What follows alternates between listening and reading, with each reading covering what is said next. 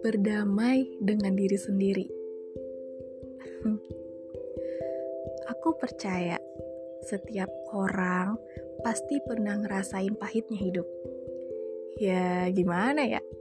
Yang namanya manusia, aneh gak sih kalau selama hidup gak pernah ngelewatin yang namanya cobaan? But, apa yang kamu udah sembuh dari segala pengalaman pahit itu?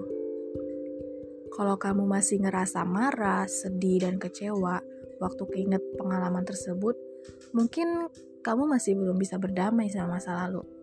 Dengan kata lain, kamu masih nggak bisa move on. Gak enaknya kalau terus begini, kamu jadi susah buat melangkah ke depan. Karena apa? Karena beban emosi yang kamu bawa itu terlalu berat. Udahlah, ingat deh apa yang dikatakan sama Mary Riana. Biarlah yang lalu berlalu, karena yang lebih indah sudah menunggumu. Menurutku ini quote emang simple, tapi kalau kamu jadiin pegangan buat move on dan melangkah ke depan, asli, ini beneran ngebantu banget, sumpah. Buat berdamai sama diri sendiri dan masa lalu, kamu harus sadar dulu kalau kamu gak bisa ngembaliin waktu dan kamu gak dapat keuntungan apa-apa kalau kamu terus stuck di titik itu. Yang bisa kamu lakuin apa? Cuma ngerubah diri kamu yang rapuh jadi versi terbaik dari diri kamu sendiri. Nah, kira-kira apa sih yang kamu dapat kalau masih susah berdamai sama masa lalu? Menurut penelitian yang dilakukan sama Roy Baumeister, seorang profesor di bidang psikologi sosial dari Florida State University, manusia emang cenderung lebih ingat sama pengalaman negatif daripada pengalaman positif. Menurut Bemister, emosi negatif dan feedback buruk punya dampak lebih besar ketimbang perhatian dan feedback positif yang pernah kamu dapat. Hmm, stereotip buruk bakal lebih susah dilupain. Yang akhirnya ngebuat diri kamu terus-terusan denial dan susah banget buat move on. Hal ini dikarenakan pikiran kamu sendiri aja masih nolak buat lupa dan maafin semua pengalaman buruk di masa lalu. Nah, kalau diri kamu terus-terusan denial, rasanya nggak enak banget gak sih? Kayak apa ya kayak di dalam hati kamu tuh pengen berdamai sama masa lalu tapi otak kamu merintahin buat jangan lupain pengalaman yang udah bikin kamu terpuruk. Nah, kalau menurutku nih ya, kalau udah kayak gini, gak baik sih buat diri kamu ke depannya. Orang yang gak bisa berdamai sama luka di masa lalu, cenderung takut buat ngelangkah ke depan, karena takut bakal terluka kayak dulu lagi.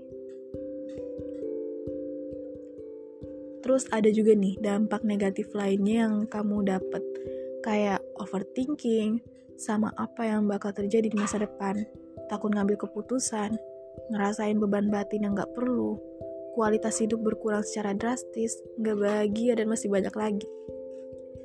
Nah kalau sudah begitu gimana? Aku punya tips nih. Empat cara berdamai sama masa lalu. Yang pertama, menerima masa lalu. Kalau kamu nggak mau terbaik terbayang oleh hal buruk yang pernah kamu alamin, lebih baik kamu nerima kejadian itu daripada effort mati-matian buat ngelupain. Asli deh, kalau kita bisa nerima pengalaman masa lalu sebagai bagian dari hidup, rasa sakitnya bakal lebih berkurang.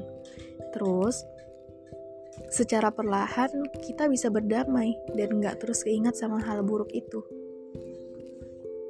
Yang kedua, memperbaiki sudut pandang. Padahal, kalau dipikir-pikir, semua kejadian bisa punya sudut pandang yang beda, tergantung dari gimana cara kamu maknainya. Coba deh, better ganti sudut pandang dari apa ya? Dulu gue dibully karena gue jelek, pasti ke depannya gak ada yang mau nerima gue. Menjadi, oh, dulu gue dibully karena mereka kurang perhatian dari orang tuanya. Toh sekarang gue jadi lebih kebal dan go up. Biasain mandang suatu hal dari sisi positifnya. Biar kitanya juga nggak terlalu tertekan. Next, ambil dan cari tahu hikmahnya. Everything happens for a reason. There's always a rainbow after a big storm. Misal nih, kamu udah putus dari cowok kamu yang toxic. Tapi rasanya susah banget buat move on karena kamu gak terbiasa kalau nggak sama dia. Dalam hal ini, ada baiknya kamu cari sisi positif dari kejadian tersebut. Kamu cari kebahagiaan apa yang kamu dapet pas udah nggak berhubungan sama dia. Kayak kamu yang lebih bebas, nggak terkekang, dan mulai bisa fokus sama karir kamu sendiri. Kalau kita tahu hikmah dan keuntungan yang didapat atas kejadian tersebut, lebih mudah juga untuk ngelangkah ke depan. Yang terakhir adalah biasain sama hal yang ngingetin kamu sama masa lalu. Um, sebenarnya ini maksudnya gimana ya? Uh, gini, kalau kamu mau berdamai sama masa lalu, jangan terlalu menghindari hal yang bisa buat kamu nginget sama kejadian tersebut. Justru itu makin nambah ketakutan kamu dan kamu cenderung nggak siap ke depannya buat hidup seutuhnya. Semakin kamu terbiasa sama hal yang paling kamu benci, semakin mudah buat kamu menerima hal tersebut.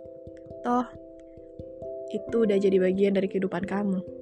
Kalau kayak gini, kamu gak ada alasan buat menghindar dan gak bakal dihantui sama bayangan masa lalu. Oke ya, nah sekarang gimana nih? Kamu udah move on atau belum? Ayo ngaku ya.